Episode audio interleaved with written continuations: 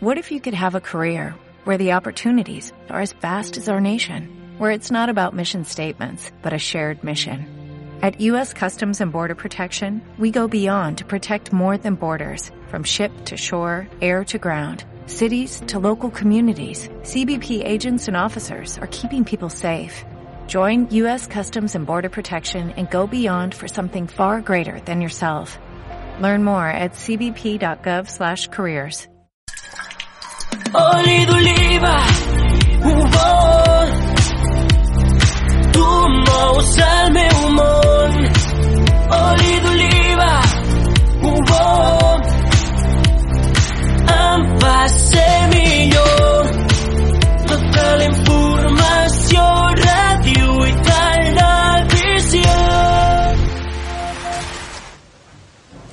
Hola, arbequins, com estem? Hem tornat, quines ganes. Som l'actualitat amanida d'Oli d'Oliva, el podcast sobre els creadors que ens amaneixen la vida. I de seguida tenim un convidat que em fa moltíssima il·lusió, Arnau París, però abans donem la benvinguda al nostre equip repartint oli o vinagre. Així que, vinga, anem a repartir oli o vinagre. Per aquí tinc els meus companys, com estem? Hola, Hola. bon dia. Bona tarda. Què tal? Ja hem Bona tornat. vesprada. Quines ganes de veure's Hola. les cares.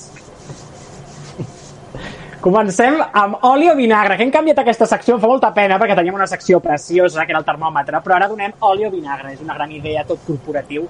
Així que vinga, va, qui vol començar? Algú dels nous? Vinga, Jorge, Laia, benvinguts. Doncs avui jo li donaré oli a la nova temporada molt bé. de, de Hit, la sèrie, que està metent a la televisió espanyola, que la veritat que me, em sembla una bona sèrie, que, que intenta no criminalitzar els adolescents, que normalment són com els només són, eh, que són rebels perquè sí i de més, i jo crec que mostra la seva altra cara, que darrere de tot això hi ha problemes i hi ha molts aspectes que no podem veure eh, a la primera, diguem-ne. Molt bé, doncs aquest oli per part del Jorge. I a veure, Laia, tu a qui li dones? A qui li dones? Jo aquesta setmana li donaré l'oli a la Carmen, que no és el seu cognom, tampoc sé quina cara fa, però no ho sabem ni Ah. jo ni cap dels seus seguidors que la seguim a les xarxes socials, que per cert és arroba justf, e f f e, i qui és aquesta dona, que es diu Carmen, misteriosa? Doncs és la productora i la mànager de l'Ibai Llanos i de tot, a, tot, totes aquestes coses i esdeveniments que l'Ibai organitza, no? Està com a l'ombra de, de l'Ibai Llanos, no? i és la persona que ha ficat els diners i que ha pogut fer possible doncs, tots aquests macroesdeveniments que ha fet l'Ibai al llarg de- d'aquests últims anys, com per exemple la velada de l'any, de boxeig al maig, el Mundial de Globus amb el Gerard Piqué, o fins i tot un esdeveniment superrecent d'aquest passat di, dijous, que va ser com un, com una quedada amb difer diferents cases de streamers i van fer doncs, jocs eh, tradicionals. És una productora molt i molt crac. Molt bé, molt bé. Veiem que comencem tots amb oli. A veure, Sergi, digue'm que tu dones vinagre, o no? No, jo també dono oli i en aquest cas li dono a la gran consulta de Televisió Espanyola perquè estan fent una ruta per tot el país eh, preguntant a la gent com volem que sigui la nostra televisió pública i em sembla una manera molt interessant d'apropar-se a, a nosaltres, els espectadors, i per això també de repartir oli. Molt bé, doncs jo, a veure, jo acabaré també donant oli. Com no, sempre soc de posar vinagre, eh? Però avui vull donar oli a Operació Triunfo, que ha fet 20 anys i que ha estat fent un streaming de 24 hores, cosa que no acostuma a fer ningú. Bueno, potser som els nosaltres els pròxims, qui sap. Però bueno, cuidado, moltes felicitats des d'aquí a tota l'acadèmia, a tota la gent que fa aquest magnífic equip. Així que, des d'aquí, un petonàs. I a tots vosaltres, si voleu repartir oli o vinagre, sí que esteu a casa i potser us fa il·lusió, envieu-nos un missatge de veu a través d'Instagram, a, a través del nostre compte, és arroba oli d'oliva media. Aquests som els que hem rebut aquesta setmana, així que anem a escoltar-los. Hola, Arbequins. Doncs jo li dono oli a Estirando el Chicle, que ha guanyat un premi Ondas molt merescut. Elles diuen que no han fet res innovador, eh, que en el fons la diferència és que ara són dues dones les que presenten un programa d'èxit número 1 a les llistes de podcast, però jo crec que sí que han fet moltes més coses, que han obert uns temes, una manera d'explicar les coses, d'explicar el dia a dia a la gent jove, de connectar amb la gent jove, i que són un exemple de que hi ha projectes que poden començar al pati de casa i acabar competint amb els més grans i rebentant les llistes d'èxit. Hola, Arbequins. El meu oli d'aquesta setmana va pel Jordi Ríos, pel nou programa Fora Límits d'Esport 3. Em sembla brutal, com diria ell. Doncs molt bé, ens guardem aquests dos magnífics olis. Espero que la setmana que ve juguem una mica més i posem vinagre, que m'agrada el joc, m'agrada el joc foc, el foc, el dolent. Però no passa res. Ara anem a una entrevista que em fa moltíssima il·lusió. Anem a la secció de l'entrevista per parlar amb Arnau París, guanyador de la novena edició, mare meva, de Masterchef 9. El tenim per aquí. Què Hola, tal? Arnau, què Molt tal? bones. Bueno, com estàs, Arnau? Benvingut. Ja no em va el wifi, el tinc patat, tio. El tinc patat de tant rebre missatges i Home. tal. No, és broma, és broma.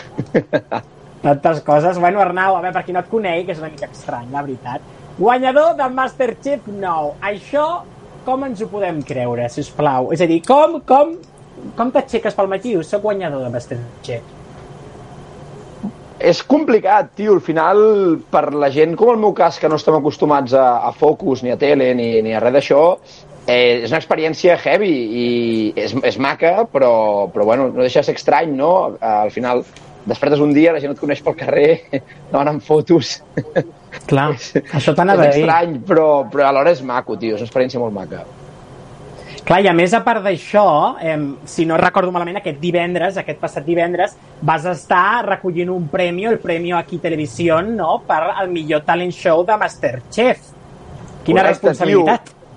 Eh, bueno, és, és, part, és part de la gràcia, no?, i part de, de l'emoció de, de, de ser el guanyador i una mica el, el que porta l'estandard del programa durant aquest any, és, és poder-lo representar i poder representar aquest programa i aquest format eh, allà on sigui, tio. En aquest cas, pues, els premis d'Aquí TV, que ens van donar el millor talent show, pues, quin honor, tio, que, que anar-hi jo i poder-lo recollir. Xeix una mica, ara explica'ns una mica a, a, els teus inicis, com sorgeix la idea de presentar-te a un càsting de Masterchef, perquè aquí a parlar que tu i jo tenim una relació, perquè aquí no em veieu a mi, jo vaig presentar-me a aquest, aquest càsting i vaig conèixer aquest magnífic home. Llavors, la meva pregunta és, com sorgeix aquesta idea de dir, vinga, vaig a presentar-me al càsting de Barcelona?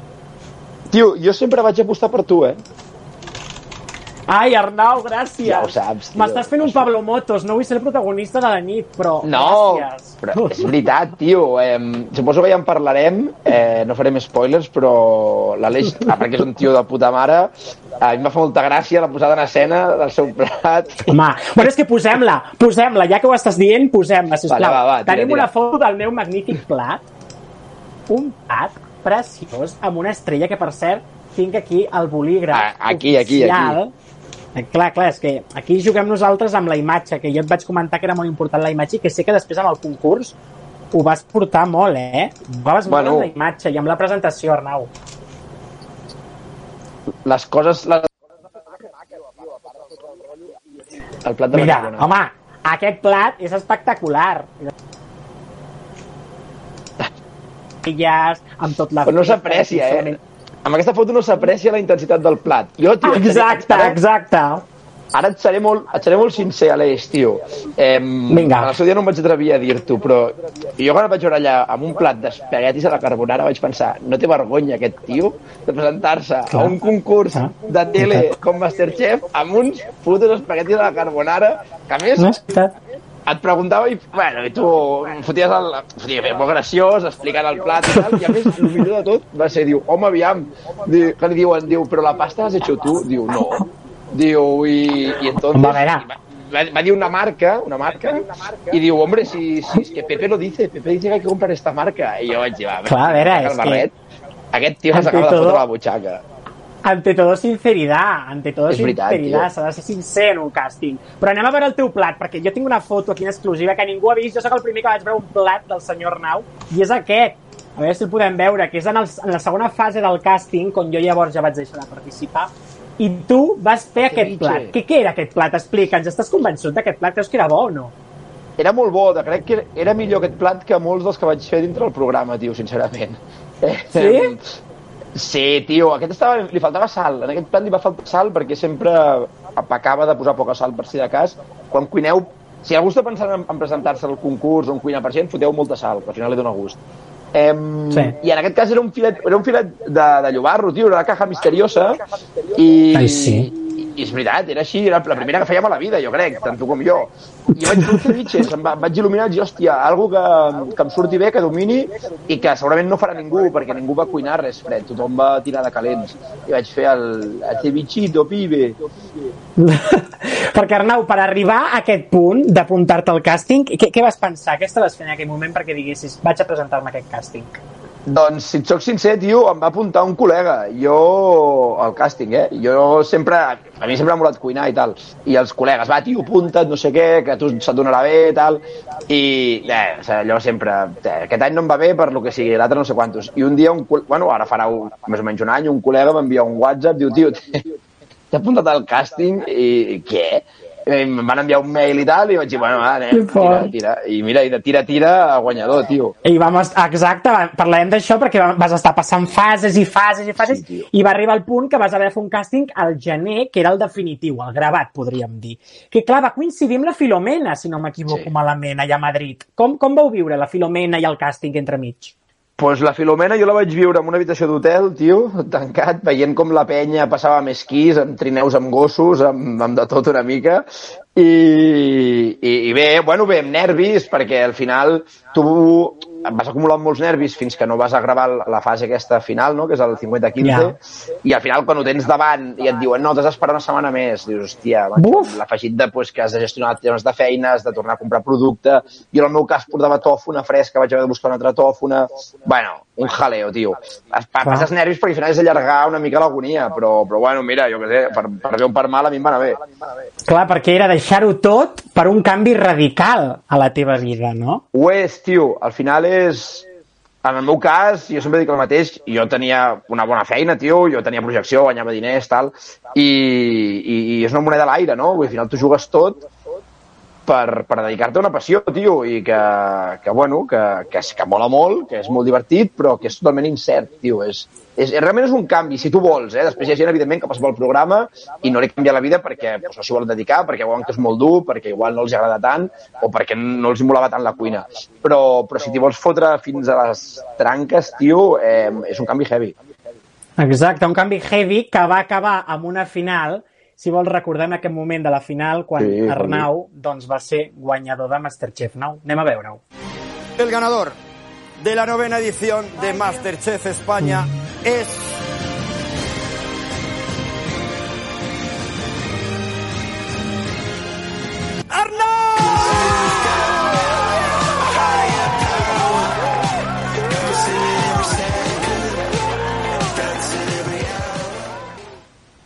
Mare meva, com recordes aquest moment? déu nhi tio. Molt, molt emotiu, tio. Encara ho... Saps què em passa, tio? Que el programa, eh, mentre el van emetre, jo no diré que no el vaig veure perquè és mentida, però estava tan pendent de xarxes, de Twitter, d'Instagram, que realment no estava pel programa.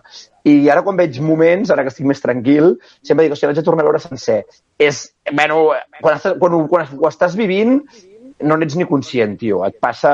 És algo molt ràpid, tio, molt fugaç i que no... No sé, no, no, no t'ho puc descriure perquè és algo indescriptible i a més a més no, no, no estàs per allò, tio, estàs per tot menys Clar. que vas estar, tio. Però és Clar, algo estic- molt, molt màgic. Perquè explica'ns això, clar, el programa va començar el 13 d'abril, va, acabar, va acabar el 13 de juliol, però vosaltres Correcte. vau estar gravant mesos abans. Clar, imagino que també hi ha un, una certa por a desvetllar, però imagino que no sé si vau haver de firmar algun contracte de, confi bueno, de confidència, de no poder explicar res. Bueno, evidentment, eh, ells et firmes mil coses, però és normal. Al final, tio, la tele, la productora i de més, tot, això és un negoci, no? I, i ells, l'actiu que tenen és, és, és, és el programa. Llavors, si pots un spoiler, eh, pues és normal que, que, que s'hagin de protegir contra això. Jo faria el mateix. Uh, però, bueno, jo ho vaig portar bé. Com que sabia que no podia dir ningú, la resposta va ser mateixa per tothom. Quan em deien, ¿quién ha ganado? Pues hemos ganado todos. I li deia això des de, t'ho juro, des de mon cosí fins al tio que em trobava pel carrer ho preguntava, no?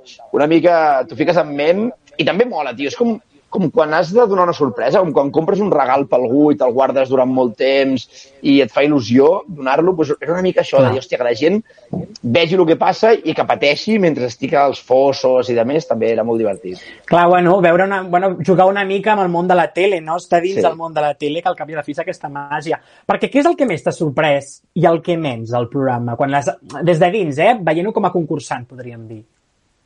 Bueno, al final, o sigui, tu quan ho veus com a espectador i quan ho vius canvia molt, no? Eh, evidentment, les 3 hores de programa que veiem pues, són bastantes més de gravació i, i això pues, al principi xoca, dir, hòstia, pues, sí que es necessita temps. Realment la tele necessita molt temps i això és una que, que a mi em va, em va sorprendre molt, no?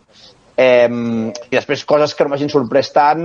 Bueno, sobretot la- l'actitud d'un mateix. No? Jo, jo sempre penso, quan estàs a casa dius, hòstia, jo, jo igual això no ho podria fer, o igual no tindria temps per, per entrar al súper, no ho agafaria tot, i al final allà et despertes, tio, i molts cops passen coses màgiques en aquelles cuines que ni tu mateix saps, saps com han passat, perquè ets, no sé, tio, és una competició, ets, estàs més viu, estàs més pendent, estàs focalitzat al 100% amb el que has de fer, i això, bueno, és el que et deia, fa, fa que passin coses inexplicables.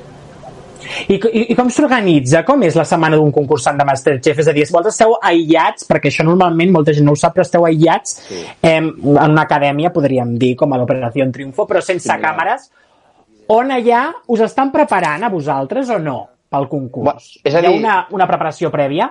Sí, no, no, evidentment, evidentment, si no és impossible fer el, el que fem. Um, has de pensar que hi ha diversos dies de gravació, és a dir, al final, un capítol que tu veus en 3 hores, nosaltres estem dies a gravar-lo, hi ha viatges, hi ha classes, hi ha estudi, hi ha pràctica... Realment no et sobra un minut durant, durant la, la setmana, eh, per res, o sigui, et sobra el temps just per descansar i subar i, i poc més. Però, però és molt intens, tio, realment és superintens.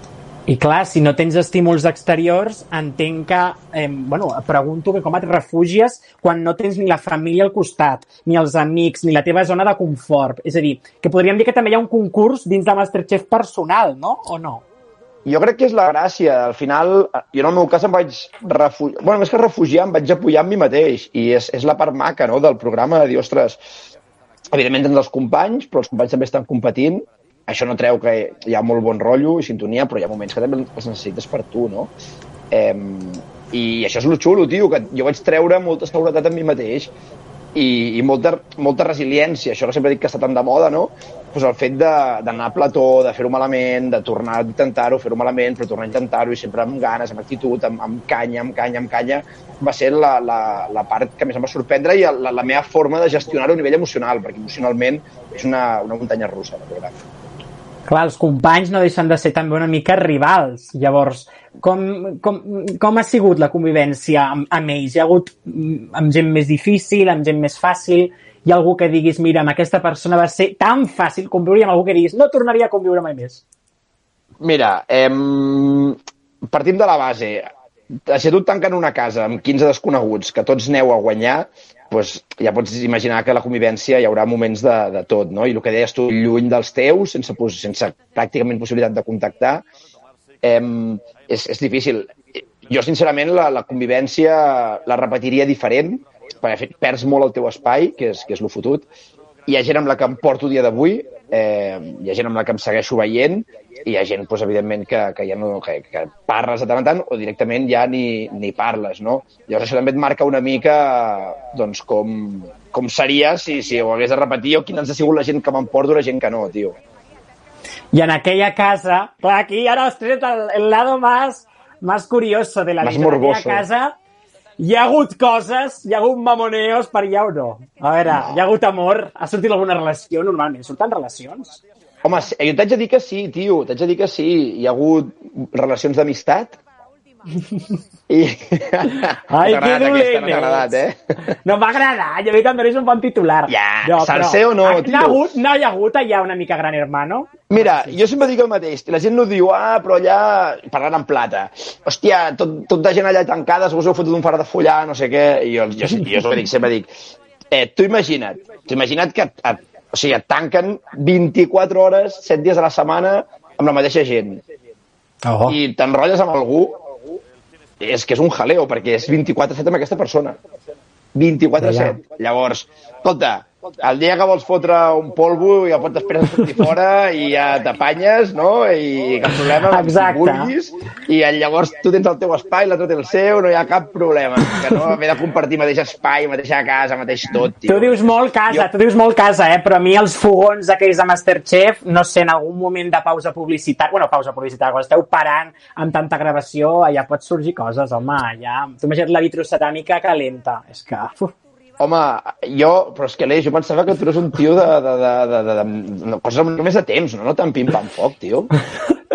Mira, jo ja he après a la vida que tot s'ha de fer ràpid, perquè si no, eh, passa, passa el tren, passa el tren, saps què vull dir? Mira, jo et diré una Passa cosa, tio. La cuina, amb tots, els, amb tots els seus sentits, necessita temps perquè surti bé. No, això és veritat.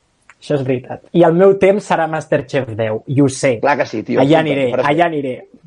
I a veure una mica, centrant-nos en, en les proves d'exterior, perquè hi ha hagut molta prova d'exterior, molt, molt temps a plató tancats. Recordes alguna prova amb, amb cert carinyo que diguis, ai, aquestes com vaig passar tan bé, que diguis, oi, Sí. quina anècdota tinc. Mira, la que recordo més carinyo és Plaza Mayor. Home, Sí, sí. allà va haver un accident, eh? Va haver un accident. Va haver un accident heavy, el del Toni, i és la que recordo amb més carinyo perquè és la primera que vaig guanyar. Molt bé, així m'agrada, Arnau. Clar, que sí, tio, va ser la que- primera que vaig guanyar, la primera que em vaig lliurar del, del, del, del fosso i, i com no, li tinc carinyo, evidentment, va va- lo del Toni va ser una putada com una casa de pagès, tio. Però, bueno, la cuina passen coses.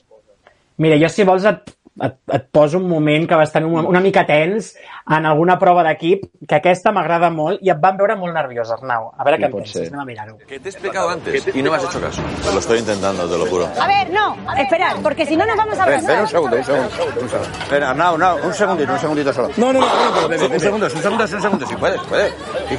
Te voy a dar una masterclass. Venga, señores, esto lo sacamos ahora. Vamos a pensar con la cabeza. Venga, con pinzas poniendo patatas. Porque la cosa no cuaja. Toma, más plato, tiene plato, venga. Yo sé que tú, María, eres una mujer que me vas a hacer caso a la Sí, primera. dime cómo se hace. dime.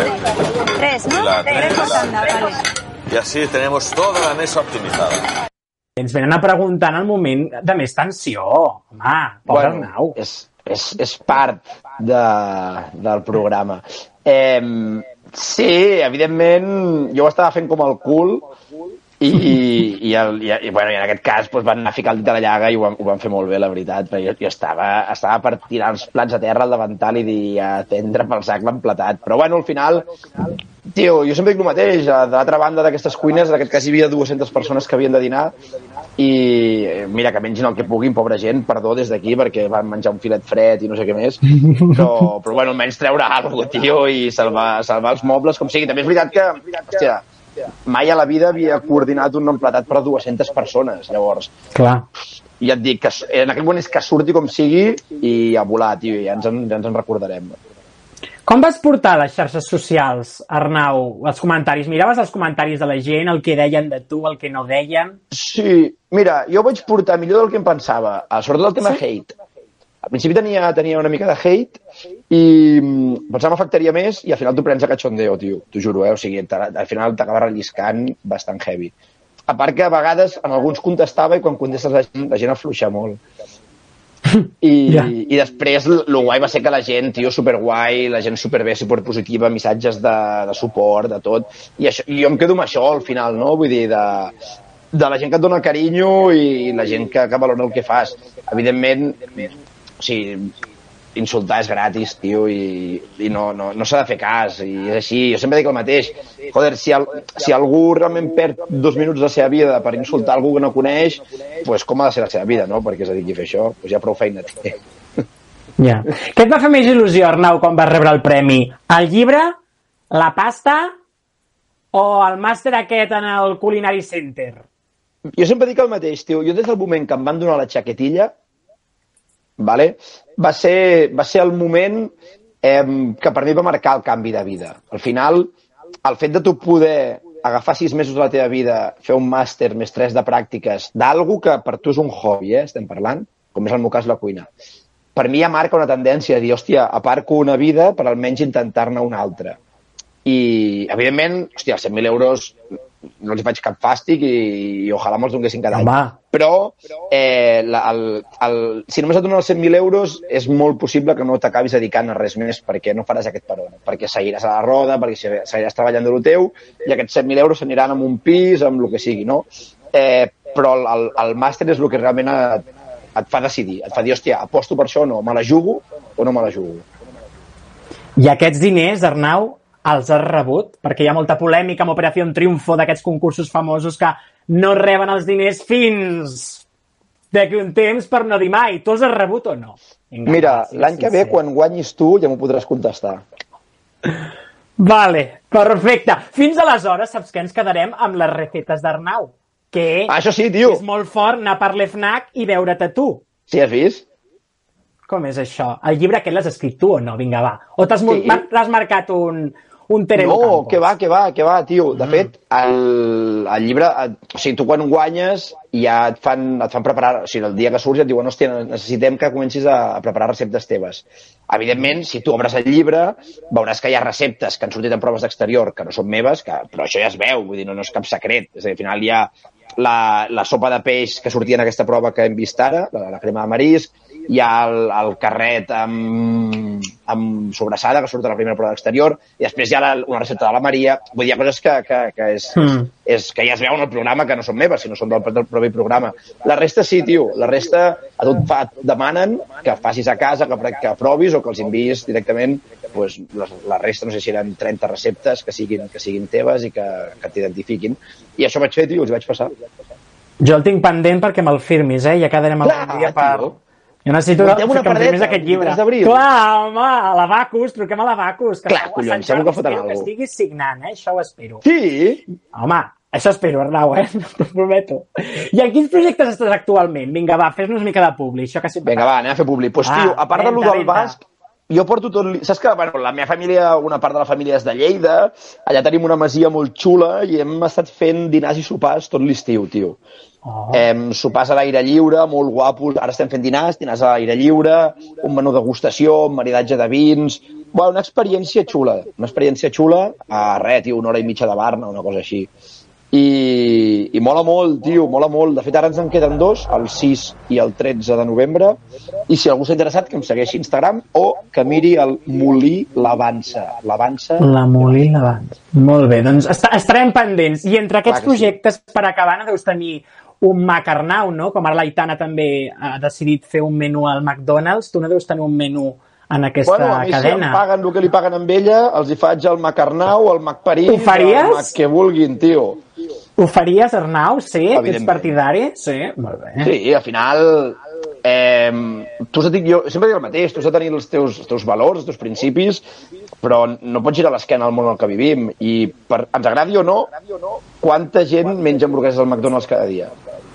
I quanta gent menja hamburgueses de vedella ecològica de la Vall Fosca cada dia? Pues, pues és el que hi ha, tio, no? I, i, Clar, clar. i un ha de saber, pues, bueno, ser conscient del món en què vius i a partir d'aquí tu decideixes a on entres o no. Jo, jo ho faria. Jo encantat, tio.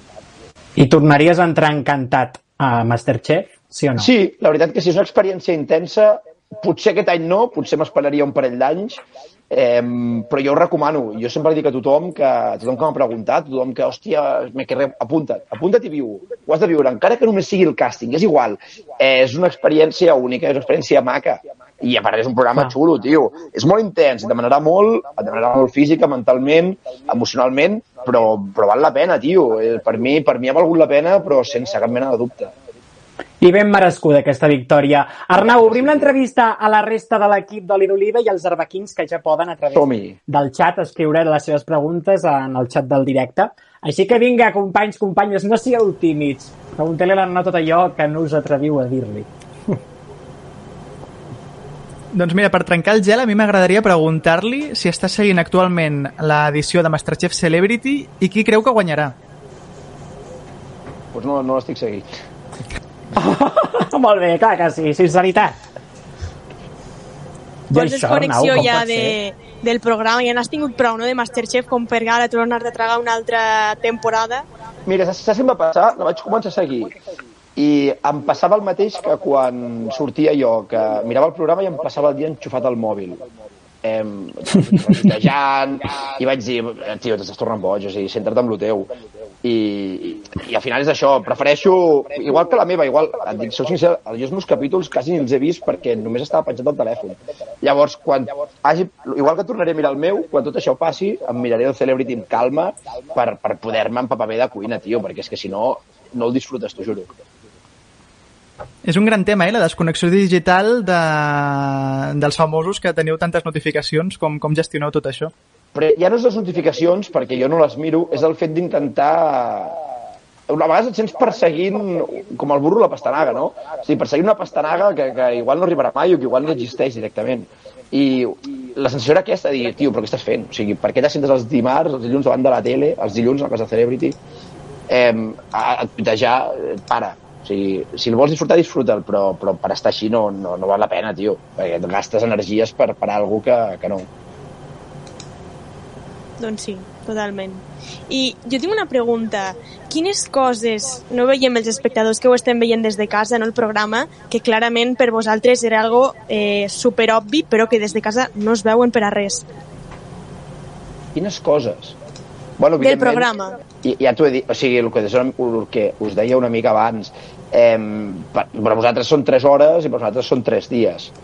Llavors, clar, amb, amb aquesta diferència, no és que s'escapin, és que al final hi ha molt material, molt material, i, i no pot sortir tot, perquè si no, que si no sí que seria infumable, serien 24 hores de programa.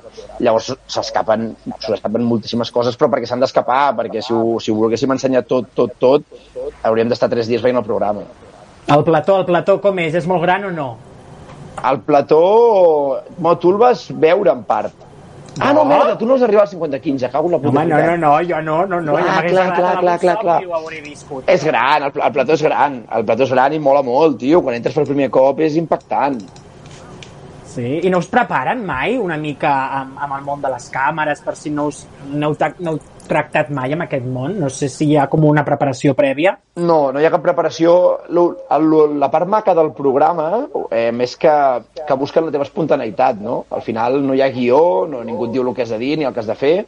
Ells busquen que siguis tu mateix i, i és la gràcia, jo crec, que al final veure també com et desenvolupes tu, que arribes allà amb un plató ple de càmeres i de cop i volta doncs, t'oblides, t'abadeixes i et dediques a cuinar, tio, que és, que és, que és el teu. També et dic una cosa, quan, quan estàs en una competició no pots estar pendent de si em fa por la càmera, si aquest em grava... Vull dir, vas a lo teu, tio. El teu és cuinar en 45, 50, 70 minuts, que ja et dic jo que no te'n sobra ni mig.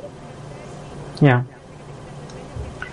No sé si tenim alguna altra pregunta per aquí. Si ara que parlàvem de, òbviament, de cuinar, si poguessis cuinar només un plat durant la resta de la teva vida com a cuiner, quin seria? Oh. Escudella, suposo que fotria escudella, perquè tinc una mica de tot, no? Tens llegums, tens carn, tens pasta, vull dir... I que ja pots anar-te fotent alguna diferent i no avorrir-te. A mi m'agradaria preguntar-li no la recepta que faria durant tota la seva vida, però sense tampoc destripar massa el llibre, que ens digui quina és la seva recepta fàcil, ràpida, d'arribar un dilluns al migdia després de treballar, tenir molt poc temps, intentar cuinar una cosa més o menys decent. Hòstia, una cosa més o menys decent... Mira, jo, jo sóc molt... A mi mola molt ser creatiu, vale? Llavors jo molts cops ho faig, quasi com una prova, obro la nevera i, i veig què, què, què tinc. Mira, una cosa que és una xorrada de fer, tu agafes... Sempre a la nevera tens restos de verdures, que si mitja esvergínia o mig, mitja patata, mitja ceba, tot això picat fi i saltejadet. I si no, una cosa que fem servir molt poc i que és superútil és el forn. Tu agafes el forn, fots qualsevol cosa dins, ni embrutes, ni has d'estar pendent i te n'oblides. 180, jo sé, un, trall- un pollastre, una cuixa de pollastre, la, agafes la cuixa, la fots al forn amb, una, amb quatre bròquils que t'hagin sobrat i jo què sé, un tall de col, un tall de ceba tal, un raig d'oli i sal i en un quart d'hora, 20 minuts, tens fet un, algo apanyadet, sense embrutar res i sense trencar-te gaire el cap. I si tens espècies, fota-li espècies. Molt bé, Consell, molt bon aquest de les consell. espècies? Eh, sempre. El que, el que tinguis, tu ho remenes tot, sigui el que sigui, ho remenes tot, li fots espècies, sal, oli, una que sou l'oli l'oli d'oliva i ho foteu al forn a 180 graus. I amb una estoneta tens alguna apanyat. De veritat, eh? Total, total. Arnau, és idíl·lic realment que estiguis en el nostre podcast que es diu Actualitat Amanida al canal Oli d'Oliva. Clar, tio. A més et dius Arnau París, m'encanta la ciutat de París. Estem destinats a ser parella, Arnau. Pues quan vulguis ho intentem, Aleix, tio, però m'ho- has de córrer una mica més, que em tens abandonat. Només em truques pels Clar, podcasts, tio. perdona, jo no responc sempre. Bueno, ja vindrem, vindrem. Prometem que tots els que estem aquí, almenys jo, vindrem a aquesta cata que tens. Clar, tio. A provar. Home, clar, jo vindré. Ara que tinc, tindré dies de festa, segur que em puc Clar que sí, tio. dia. Hi ha A transport part- públic per arribar? No pateixis, tio, ja ho trobarem. A part, nosaltres som productors d'oli d'oliva, tio. Nosaltres a casa Home. fem un oli d'oliva verge extra ecològic, tio. Però quin millor convidat per Clar, avui, per collons. favor. És que Arnau, ets perfecte. Us enviaré unes Perfecte. ampolles per fer d'esponsor, tio.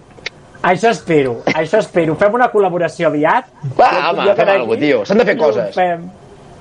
Doncs Arnau, si ningú més té cap altra pregunta, algú té alguna altra pregunta? Vinga, Aquí va. al xat mm, pregunten veure, una cosa. Si A voleu veure, la llegeixo. Sí. Va. Mira, doncs la Laila pregunta que fins a quin punt eh, el Jordi, la Samantha i el Pepe li posaven actuació al que, al que veiem els espectadors, no? Si creus que s'exageren algunes coses per donar-li una mica d'espectacularitat al show. Mira, jo en aquests casos sempre dic, sempre dic el mateix. Jo, jo soc comercial, bueno, jo era comercial, vale? eh, però jo no vaig pel carrer venent grifos. O sigui, jo, jo no vaig pel carrer, la gent no li dic, oiga senyora, usted quiere un grifo, el, meu- el meu dia a dia. Eh? Eh, pues ells una mica és el mateix, ells són com són, però evidentment allà tu has, has de, de remarcar el, el, el com ets, no? O, o el que és el teu clitxé una mica. I, i no és això. Ara, em, quan tu fots un mal plat, evidentment és una merda.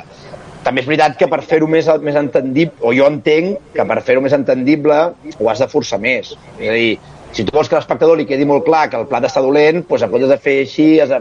Ai, quin fàstic, no sé què. Però això ja és més a nivell de que l'espectador palpi millor l'emoció, que, que, que això, bueno, la tele passa tot arreu. Clar, els extrems, no? Els extrems que parlem a vegades. Que Ho has de fer, ho, ho has de fer. O sigui, sempre, quan tinc, jo sempre que em pregunto coses així, intento mirar-ho des del punt de vista de l'espectador, no? De dir, hòstia, l'espectador com, com ho ha de captar o com ho ha de veure? I és veritat, al final l'espectador, i amb tele, que, que el segon és molt car, ho has de fer molt mastegadet, tio. O sigui, tot ha de quedar superclar, amb superpoc temps i amb superpoques paraules. Ara, quan cuines malament, la valoració és una merda i és una merda perquè t'has guanyat, eh? I això va així. Llavors, podríem dir que no canviaria res del teu pas pel concurs, no? Què va, tio? Sí. No canviaria res. No? Res de res. Sents bueno, orgullós. la paella al terra per cremar el Toni sí que ho canviaria. Ja. Allò no... Bueno, i la caiguda que va haver, la típica caiguda entre... Ja, bueno, això ja va ser història d'un altre, això ho ha de canviar un altre. Sí, no, no, però vull dir que han hagut accidents a Masterchef, cuidado. Eh? Però és normal, tio. o sigui, és normal, és normal que hi hagi accidents. Al final, tu imagina't, jo sempre, tio, que agafes tu i 15 col·legues teus i us foteu a cuinar eh, per 200 persones sent tots amateurs. És que hi haurà, hi haurà liu. És que el que no sap agafar el ganivet eh, no té en compte que deixa l'oli, com és el meu cas. El que no ho deixa és, és, és que és, no tenim formació professional, no som xefs. Total. Al programa tu vas aprenent a base d'hòsties, com a qualsevol feina. I el que ens agrada com a espectadors veure les hòsties dels concursants no t'ho. Bueno, això ja... ens agrada és molt. És Almenys normal, ho gaudia tio. molt, ho gaudia molt. Clar, és el que hi ha. Doncs Arnau, moltes gràcies. Jo només vull recordar, és el moment de recordar que quan acabi el programa d'avui, per la gent aquesta que no ha estat atenta, podreu recuperar-lo a YouTube i a les plataformes del podcast. A més, si teniu Amazon Prime, no és que us donem una subscripció. Podeu subscriure-us gratuïtament al nostre canal de Twitch per donar-nos suport. xollo. Així que has vist, Arnau, per qui no t'hagi vist, eh, Clar, tio. veure i recuperar el programa, per favor. Eh, això és, això és l'important, tio. Escolta, fe, feu un sorteig entre els espectadors, tio. Sorteja una ampolla d'oli del meu i ja està, tio, oli d'oliva. Feu un sorteig. Vinga, ho fem, però a- la- l'ampolla ha d'estar signada, això sí, eh? Vale, la firmo, la- l'envio l'envio firmada, no hi ha problema amb això. Ho fem? Sí, clar, si t'ho estic dient, no t'ho diria, si no. D'acord, però com ho fem? Com fem les bases del concurs? Que a mi Però aquestes això és coses cosa teva, tio, el programa és vostre, a mi que m'expliques. Jo... Bueno, ja ho parlarem, però em sembla molt bona la, eh, molt bona la idea. Podem fer alguna cosa eh, a través de retuits. Que no us enganyin, eh, que us deuen una ampolla d'oli algú de vosaltres. Aquests, foteu-los les piles, Molt bé. foteu-los les piles. Molt bé, molt bé. Espero, espero que estigui bo, eh? que jo sóc consumidor Què? del Carlos Boníssim, Arguiñano.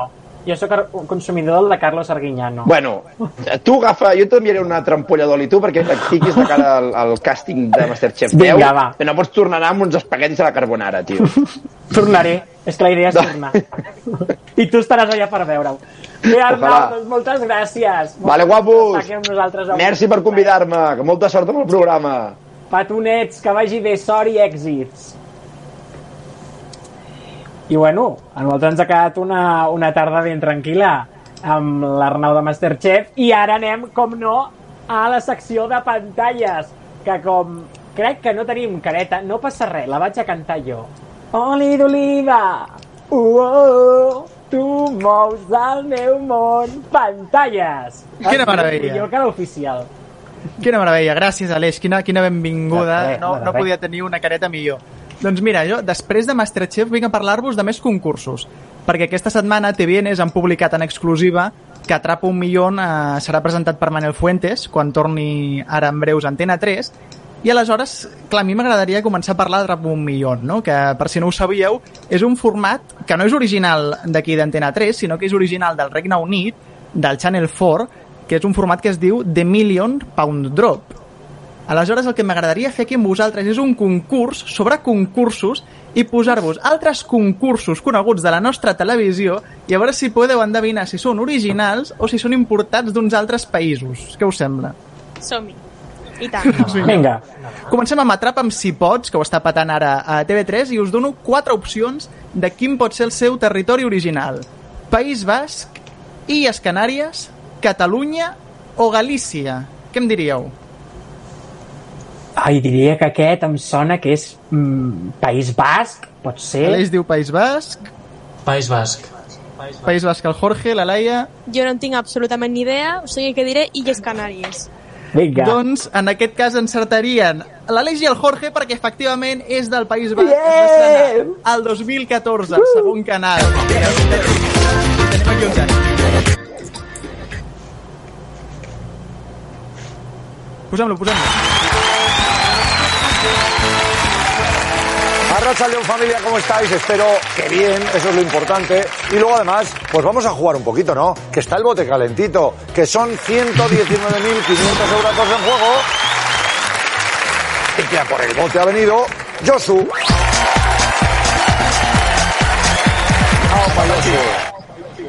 D'aquests programes, a mi el que em sembla impressionant és veure com tots tenen gairebé el mateix plató i, i en canvi els presentadors i els concursants canvien i et quedes com amb una sensació d'estar en una realitat paral·lela. Sí. Sí, Anem amb el de següent. fet- De fet, Digues, digues.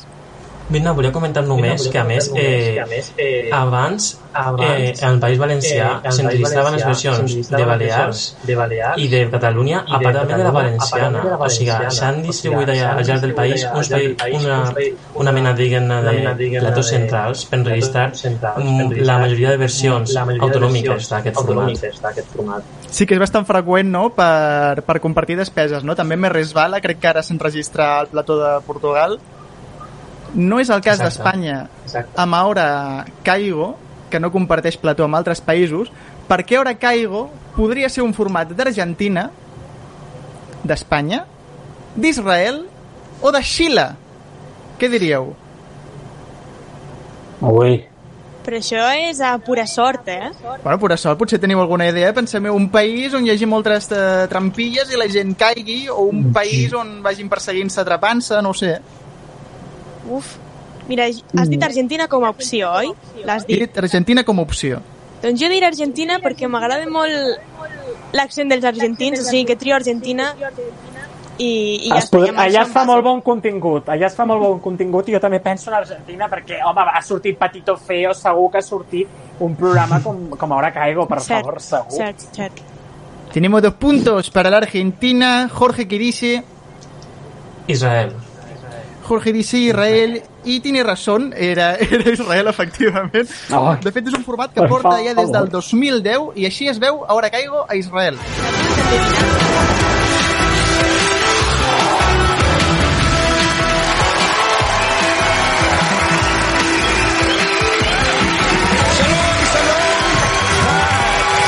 Toda, toda, toda, toda, toda, ברוכים הבאים לעונה השנייה של העוף המיליון!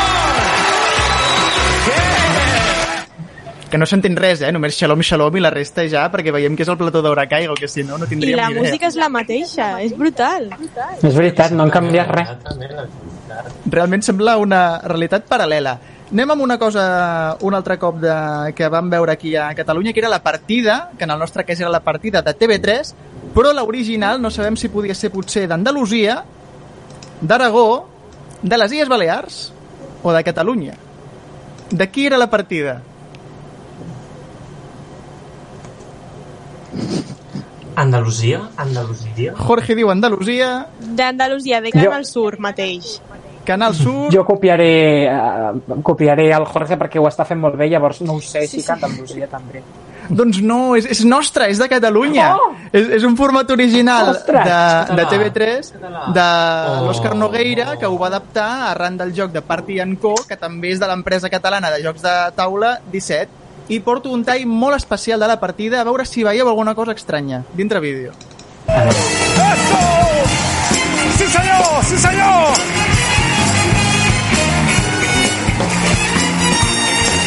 I tots preparats per somiar, però amb els ulls ben oberts. Aquí comença la partida de TV3!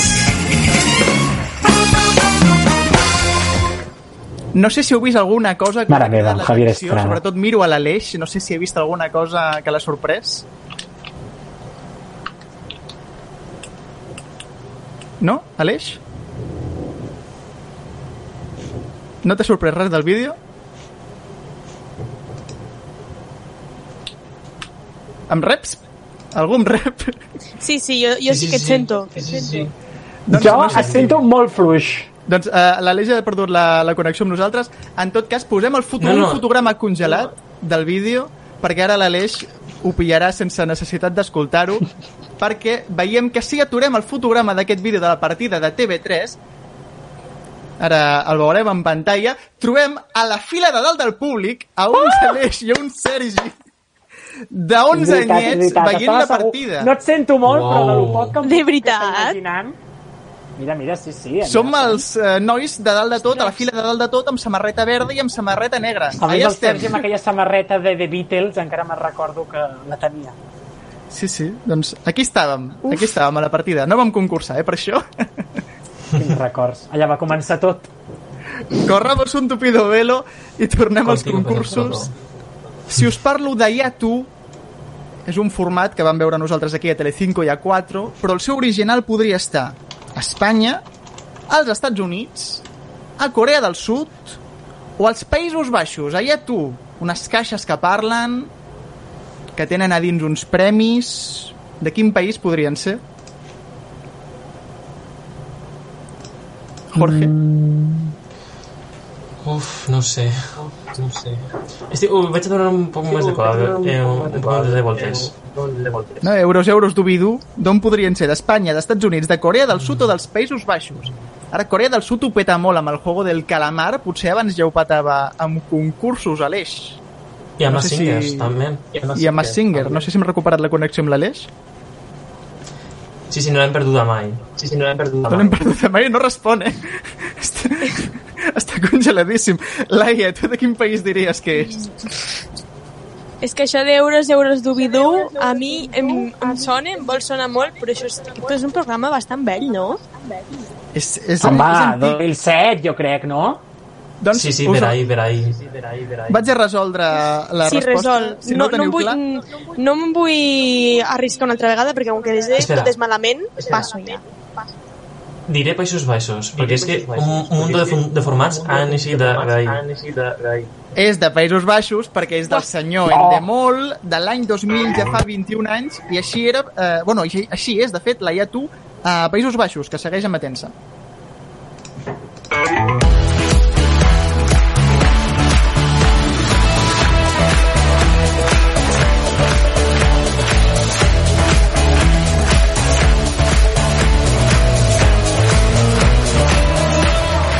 Negentien. 19, zo, dat kwam er heel gedecideerd uit te brengen. Maar naar beneden, koffer 19.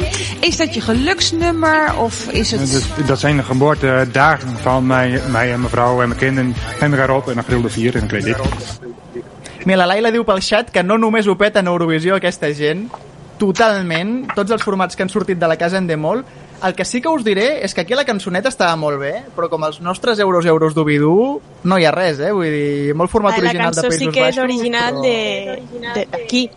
Exacte, la cançó sí que és nostra. I ben orgullosos podem estar, jo crec, eh? També t'ho Sí, dic. sí, de, de fet, crec Sí, que sí, una altra cosa de no, però que així els no, concursos que ha fet Jesse Music en general eh, han estat molt ben adaptats Eh, han estat en molt el ben sentit de adaptats, que en no simplement sentit de agafen que els no continguts simplement d'un format els continguts i ho format prèviament al i ho nostre, al nostre, al nostre gust, diguem-ne, però també adapten fins i però tot música, que jo crec que al final, música, que jo sense crec que al final, eixe sense euros tu- eixe- euros eixe d'Ubidú, euros tu- euros d'Ubidú, ningú ho recordaria, aquest format, segurament. Format, segurament. Doncs No, no, molt i les probable. capses, i les capses de color rosa, També, que també. eren molt atractives, les volies tocar, i Jesús Vázquez, que també el volia tocar. Però També el volies no tocar. Altre Mare sentit, en un altre. Està molt juganer avui l'Aleix, i no pels concursos precisament. Però seguim amb Yes Music, perquè tenim el número 1, que podria ser un format original del Regne Unit, de França, d'Espanya, aquí es va emetre Antena 3, de fet, o d'Itàlia. El número 1, aquell concurs que va durar dues temporades Antena 3. Aleix, d'on diries que és?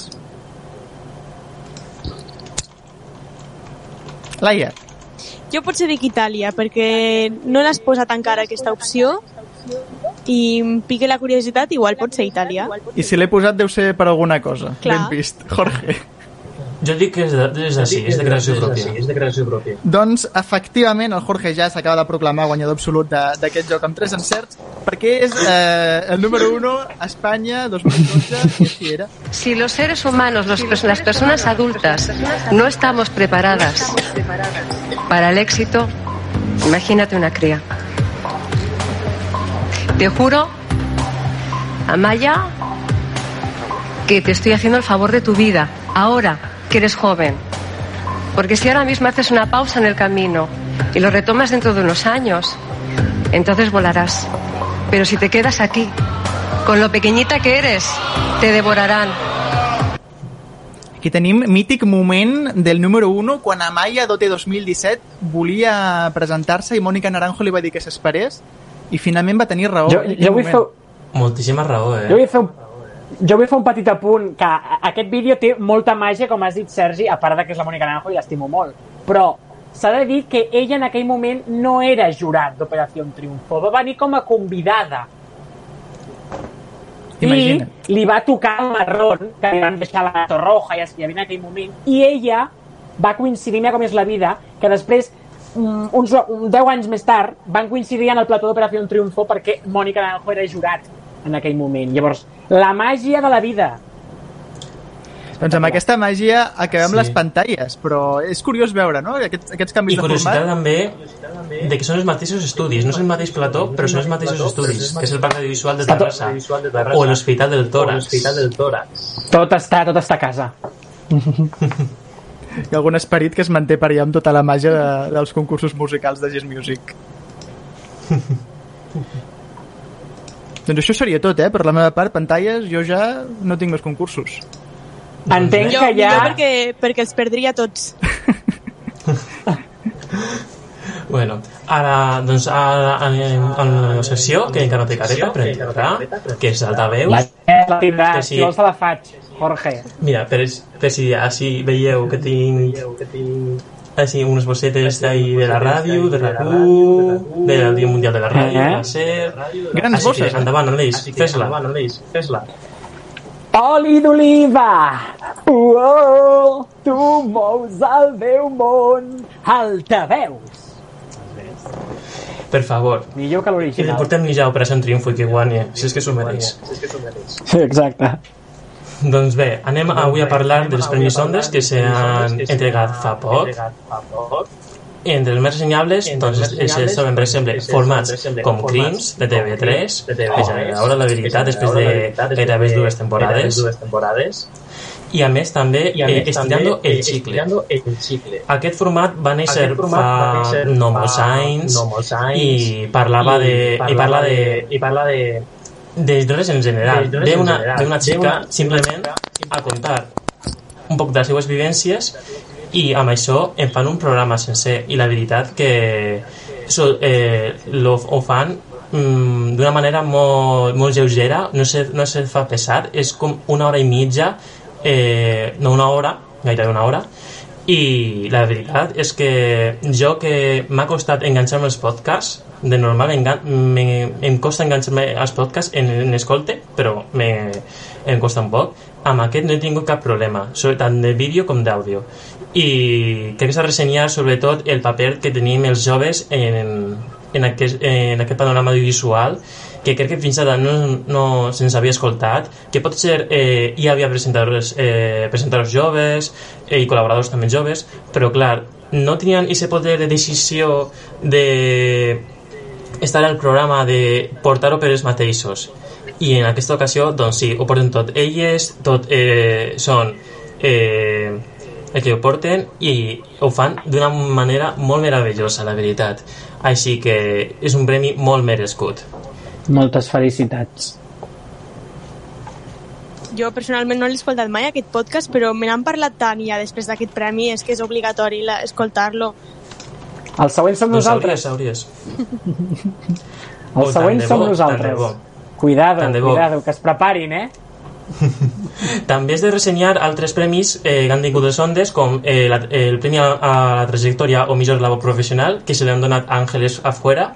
Aquesta professional Oh. portava molts anys a Ràdio Madrid, de la cadena SER, sent documentalista, és una de les peces més claus en, un, en una ràdio, ja que porta tot l'àudio, tot el que s'hi emet i que, a més, eh, té la funció de guardar-ho, de que es quede bé preservat per al futur. Gràcies a ella, àudios eh, tan claus, per exemple, com el 23F, que la cadena SER eh, va enregistrar-ho eh, a cada moment, eh, s'han- han quedat digitalitzats i guardats. O sobretot, eh, fa només un, dos anys, la SER va, eh, va tenir un atac informàtic i gràcies a persones com ella la ràdio va seguir endavant i endavant i endavant i crec, i crec que hauríem de tenir-los més en compte de valorar-los més perquè fan una feina molt grossa també és de comentar que aquesta senyora ha escrit un llibre on parla dels primers anys de, de Ràdio Madrid, que és eh, actualment eh, diguem, la peça clau, la peça inicial, una de les peces inicials de l'actual cadena SER, aleshores Union Radio.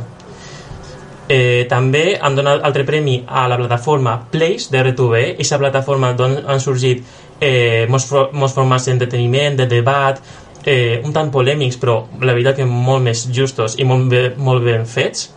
Eh, I també, per exemple, eh, sèries eh, interactives eh, i fins i tot eh, lineals, com Hit, que, que la- que la- l'he recomanat Ah, sí. abans, i que eh, la veritat eh, estan fent una molt bona feina des de, des de la televisió pública que és molt difícil eh, amb la situació actual però se, eh, se n'estan en, sortint i crec que a poc a poc eh, es convertiran en una gran plataforma audiovisual juvenil que és el que ens cal també així a Catalunya i a tot, i a tot el món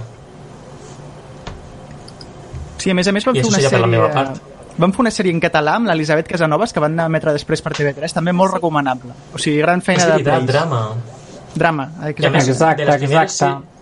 de les, de les poques sèries que han fet televisió espanyola en català, que és una cosa, la veritat, que eh, és, és res- ressenyable en el sentit de que eh, es pugui fer eh, producció en altres llengües eh, dins de la tele- eh, televisió espanyola sense cap por, en català, en gallec, en euskera, i la veritat que eh, que aquest món visual tan divers que podem tenir de, llengües i més és molt bo eh, contribuir a, a fer-ho. I tant. Doncs Exacte. I com no, amb la sèrie va, va venir un, un, una acumulació de crítiques en el seu moment també. Però bueno, que això ho deixem a banda, perquè crítiques sempre hi ha. Així que moltes Doncs gràcies, sí. Jorge, per la teva secció d'altaveus. Com no, que dic que... que sí, altaveus, altaveus. Altaveus, m'estava espantant, dic, no sé si és la veus. Amb aquests ondes i formats juvenils. I ara anem, com no, amb la Laia Berenguer, que a part d'estrenar-se ja estrenem secció, que són les consoles. A veure, explica'ns. Vols, vols careta, també? Va, som-hi, ja, ja que estàs, ara me la fas, la Un. careta. Dos, un, dos, tres. Oli d'oliva! Uoh, tu mous el meu món. Consoles. A veure, ens parlaràs del Super Mario Bros. o no? Perquè si no, m'enfado. De moment no.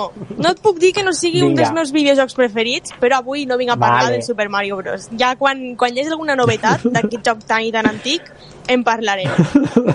ja. A veure, de què ens parlaràs? pues avui per estrenar la secció de consoles i per estrenar-me a, a mi mateixa a Oli d'Oliva, us parlaré de la influència de la sèrie del Juego del Calamar a la comunitat streamer espanyola. Suposo que l'heu vist tots. Jo encara no, eh? Soc dels pocs que queden. Jo he vist cosetes a través de Twitter. Jo he vist m'estic cosetes a través de resistint a veure-la, la veritat. Entenc que cap de vosaltres llavors l'ha vist. Diria que no. A, no, no. A mi em fot una mica de por, eh, Laia? Però jo sé de què va, eh? Jo crec que tots sabem Vale. de què va. No us faré cap sí, sí, spoiler. no, no. No us faré Sabem cap spoiler, eh? I molt. D'acord. Doncs, eh, en resum, el que ha passat aquestes últimes setmanes és que el youtuber i streamer i creador de contingut, el Rubius, ha organitzat Mm. una competició a Roblox, que és un... ara explicarem què és, basada en la ficció del Juego del Calamar. I ara anem a, a parlar què és, eh, qui és el Rubius, què és Roblox i una mica de què va el Juego del Calamar per entendre tot això que ha passat aquesta, aquesta última setmana i mitja, fa dues setmanes. Home, estem Llavors- desconnectats, estem desconnectats de les consoles, que, però jo crec que el, el Rubius diria que, que, que els, els tres sabríem qui és. Com a mínim, dir que ens sona. Sí, el Rubius, el Rubius el detectem, almenys per un cameo que ha fet amb Santiago Segura, segur. Així que el Jo detectem. L'he d'introduir més, més que res perquè si ens està veient algú que és més gran o, per exemple, els meus pares, que igual no saben qui és el Rubius, doncs que sàpiguin que és un dels youtubers, streamers més grans de tot el món i porta fent vídeos i acumulant seguidors des de l'any 2006, pres- principalment jugant a videojocs, no? És pràcticament impossible que no hagueu vist mai un vídeo seu. Llavors, Això és veritat. què és Roblox, no? Diem que el Rubius ha organitzat una competició dins de Roblox. Doncs Roblox, Roblox és una plataforma de videojocs per ordinador, per PC, on pots jugar tu sol o amb multijugador, és a dir, amb gent de tot el món, i la gràcia del Roblox és que permet crear els teus propis mons virtuals. Fa, una, fa servir una mecànica molt simple i per això es diu que a vegades es diu que, que és, de, és una plataforma per nens de, de 10 anys, però això no treu que no sigui divertida aquesta plataforma i és, és gratis també, però s'ha de descarregar. Llavors, el, anem a parlar ara del juego del calamar. Després unirem totes aquestes, tots aquests elements en, en, el, en la notícia, però ja m'heu dit que no heu vist el juego del calamar, no sé si pel xat la gent eh, l'ha vist. Diuen que vistíssima i que al final guanya el calamar. Ai, quin spoiler! No és cap spoiler. Ah, Tranquils, Ah, tranquils que no, que no us ha arruïnat la sèrie, aquesta, el comentari de la Laila. Eh, aquesta Laila.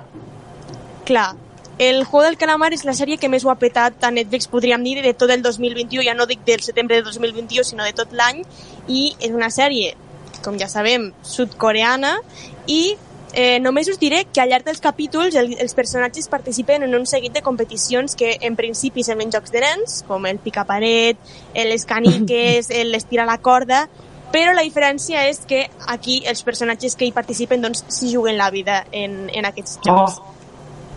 Llavors, quina idea va tenir el Rubius aquí? Va, va unir tots aquests caps i va dir pues, transportaré aquesta competició eh, al videojoc Roblox i de tal manera que es puguin enfrontar un seguit de streamers de la comunitat hispanoparlant eh, dins del context aquest del juego del calamar, no? Imagineu-vos ara eh, les 120 persones que va reunir el Rubius el 13 d'octubre eh, entrant en directe a la vegada des dels seus canals de, de Twitch cadascú i competint tots junts en aquest servidor que recreava doncs, les escenes de, de, del juego del calamar, no? que són, eh, la, és la sèrie de moda. Llavors, eh, anem a veure el vídeo a veure si el tenim de- de- d'aquesta competició. A veure. Empieza, gente. La primera partida del torneo masivo. ¿Quién se llevará los 6.000 pavos? El primer juego al que jugarás es luz verde, luz roja. Las reglas son simples. Cuando es luz verde, puedes moverte. Cuando es luz roja, no puedes. ¡Alguien ha muerto ya, gente! Esto tengo miedo, ¿eh? ¡Nueve! ¡Ocho! Que no va a pasar nadie, gente. ¡Uy, uy, uy, uy! ¡Uy, uy, uy! ¡Cuatro!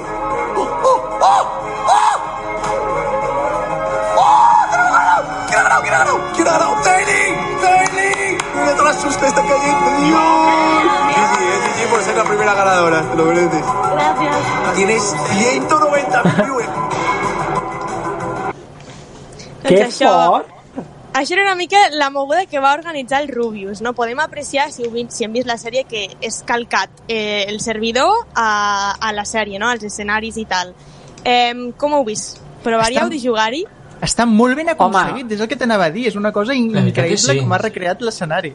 Jo haig de dir que no sóc molt de videojocs, però aquest potser m'animaria, eh? Tot i que sóc molt boomer en aquestes coses. No es, veu, no es veu gaire complicat. Jo no ho he provat de jugar-lo, però no es veu gaire complicat. Ja et dic, juguen nens de- d'uns 10 anys aproximadament. És a dir, que... això és res, jo tinc molta més experiència amb el Mario Kart i aquestes coses. I, clar, us preguntareu, són 120 streamers jugant a la vegada. Jo, per exemple, sóc l'Auronplay i en la partida, en la, en, en la ronda 2, moro. Què faig? Ja, ja em quedo sense contingut? Doncs no, puc, per exemple, anar a veure, a veure què està fent l'Ibai, a veure com li va, i doncs retransmetre Amigo. això pels meus, pels meus viewers, pels meus espectadors. I això que deia el Rubius abans de començar, a veure quién se lleva los, los 6.000 euros, és que el jugador que, que guanyava no, per cada partida, perquè en van fer unes quantes, s'emportava eh, 10 subscripcions de cada jugador. És a dir, eh, en aquest cas que va guanyar aquesta noia que es diu Zelling, doncs es van portar tots els, tots els jugadors li van regalar 10 subscripcions al seu canal de Twitch, que això es tradueix en un total de 50 dòlars eh, cada, Oh, cada bueno. jugador. això és un munt de diners. Oh! Imagineu, imagineu rebre 50 dòlars de 119 persones i tu que ets la 120 que has guanyat. Si cada espanyol me diera un euro... si I tant. fa o no fa.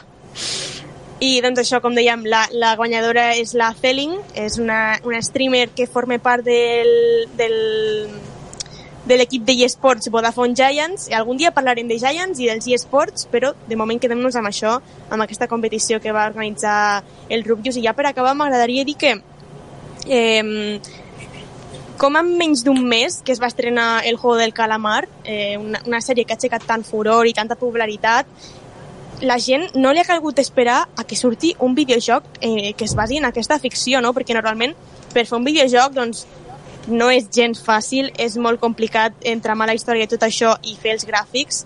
Eh, normalment tarden anys en, en treure'ls i gràcies a, a Roblox, al friquisme de la gent i al fenomen fan, sí que ha pogut, la gent ha pogut mm, jugar una versió molt simple d'aquesta sèrie que, que els ha agradat tant. Mare meva. I fins aquí. Mare meva, mare meva, sembla que no, però això del Juego del Calamar eh, trauran diners durant uns anys. No sé d'aquí un molt temps com anirà. Mira, ara per Halloween les disfresses del xandall de la, de la sèrie de ben segur que les trauran. I jo veig possible col·laboració amb Berska, eh? Que sempre fan coses d'aquestes. No, sisplau. No, No, en està t'estranyi, massa, en que està massa sols amb la música més alta de dents, que ahir no es Ja, pot és ni veuen res. Parlant Allà de és difícil. Parlant de col·laboracions del Berska, ara que estem encara a punt de tancar la secció de, de consoles, fa poc han tret una col·laboració amb League of Legends Per això ho dic, que per això ho dic. m'estalvio els comentaris de, de l'estètica d'aquesta d'aquesta col·lecció perquè És una mica, com diria, estranya. estranya i, i poc currada Gòtica? i molt... No, no ni gòtica, Lletja? és lletja, sí, és, és lletja. És Però vist lletja. uns pantalons molt monos, eh? Així ajustats, a l'opticista, només que hi ha un personatge que, pues, sincerament, no el conec de res, només que pues, és maco el propi pantaló. Però bueno, sí, és curiós i és, i és bastant extrovertit. Però bueno, eh, gràcies, eh, Laia, per la teva secció de consoles i el Juego del Calamar, que bueno, pues, que tingui molts èxits, a veure fins quan li duran. I tant. I ara, com no, toca parlar sobre el calendari Arbaquí. I és hora de posar-nos al dia per acabar amb, doncs, marcant això, no? marcant els calendaris eh, cadascú amb un esdeveniment o alguna cosa que el vulgui comentar. Així que vinga, va, Sergi, que fa estona que no et sento. I, Doncs i literalment. No, i a més a més, no, però ara, jo ara t'he recuperat i ja no he Ara et sento per perfecte! sentir-te. Ara és una cosa meravellosa. Podem acabar el programa i Veus? seguir parlant tu i Más vale tarde que nunca. Más vale tarde Más que vale nunca. tarde, con Iñaki i Cristina. Doncs mira, eh, m'apunto al calendari que la Laila ens diu pel xat que l'Estradivarius i el Ceara ja s'estan venent els xandalls del Juego del Calamar per si algú li pot interessar anar a comprar-se'ls. Que se'n compri realment- la Laila i, i, se- i se'l posi i que ens els ensenyi. i ens els ensenyi. Però el que Va. realment m'interessa de la setmana que ve és que aquest dimarts arriba HBO Max a Espanya Oh. i jo estic que no puc aguantar-me ja més perquè arribi també El ala oeste de la Casa Blanca, que és una sèrie Ui. que estarà a HBO, jo l'estava veient a Amazon, me la van treure i ara fins que no arribi dimarts aquesta nova plataforma no la podré seguir. Un drama. Ai. Tremenda Bueno, sèrie, eh, aquesta? T'agrada el, el de la oeste de la Casa Blanca? Sí, m'agrada molt i també m'agrada, clar, m'agrada molt la, la política dels Estats Units i, i la l'oest de la Casa Blanca és un must per veure. Sí, doncs sí. estem en un club molt petit, És eh? millor, perquè jo quan ho dic em diuen que millor soc un. Lies. No, molt xula, molt xula. Doncs ja em caus És millor. millor Big Little Lies. És millor Big Little Lies. No sé si l'heu vist. Aquesta no l'he vist. Molt bé, Tampoc. doncs ens apuntem. Em Jorge, vinga, va, comenta'ns. Doncs mira, avui recomano Insiders, que s'estrena fa poc a Netflix i la veritat que té una pinta bastant bona. És, és un reality show que pot eh, recordar a Gran Hermano, però hi ha una petita diferència, que és que eh, en la suposada última fase del càsting no és la fase, última fase del càsting, sinó que ja és el concurs, però els concursants no ho saben i els posen Mm. a tope de proves i de més. És un dels formats, eh, diguem, un reality show eh, eh, gravat i que a més està en una plataforma com Netflix, així que és interessant. Jo sóc un poc reticent perquè soc molt, soc molt del directe. Mm, diguem que vaig fer un poc com l'excepció amb la Isla de les Tentaciones però el primer programa estava bé.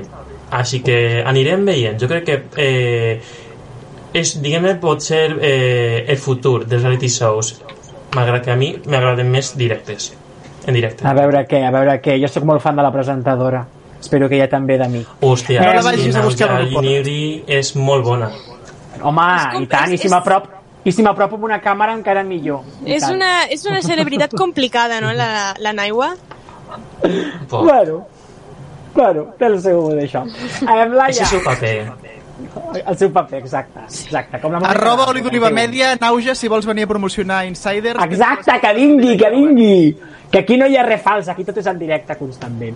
A veure, Laia, tu, què ens recomanes? Doncs jo recomano un, una pel·lícula que no és que s'hagi estrenat aquesta setmana ni la que ve ni, ni fa poc, que de fet es va estrenar el 2017 i està protagonitzada per l'actriu, a veure si ho dic bé perquè té una, una mica complicat, quasi com Rim- Nimri, però, però, però diferent, perquè és irlandesa. El nom és Saoirse Ronan Ah, i la pel·lícula, la pel·lícula és Lady Bird del 2017, com ja, com ja he Ai, dit. sí. 2017 ja, mare sí, meva. Sí, sí, la, la Saoirse és una gran actriu i també per aquells i aquelles que sigueu grans fans, també a Lady Bird surt el Timothée Chalamet, com no pot faltar.